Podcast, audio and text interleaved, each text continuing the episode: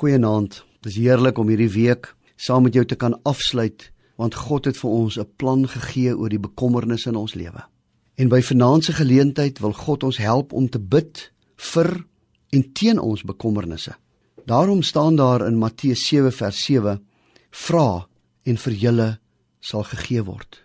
Daar staan ook in Jakobus 5 vers 16: Die gebed van 'n gelowige het 'n kragtige uitwerking. Ek wil vir jou vra vanaand, hoe lyk jou gebedslewe? Praat jy gereeld met God? Gebed is een van die hoofslagare in ons verhouding met God.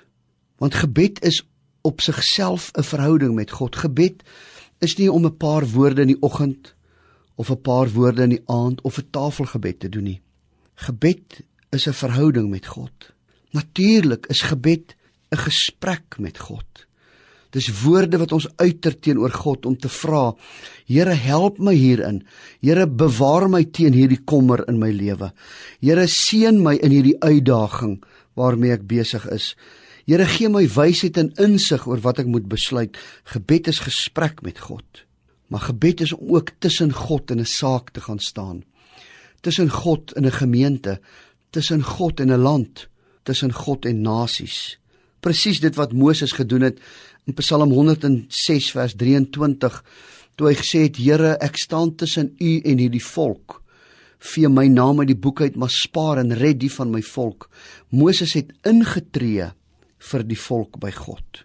Maar gebed is ook 'n opdrag. In 1 Timoteus 2 vers 1 staan daar ek beveel julle sê Paulus vir Timoteus dat daar in die eerste plek gebid moet word. Dis 'n opdrag. Die vraag is voer ek en jy hierdie opdrag van God uit. Besef vanaand, gebed is die hartaar van jou verhouding met God.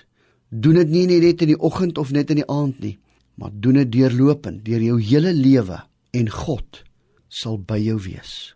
Here, gee my 'n passie vir gebed en help my om voortdurend met U te praat. Amen. Mag God jou ryklik seën.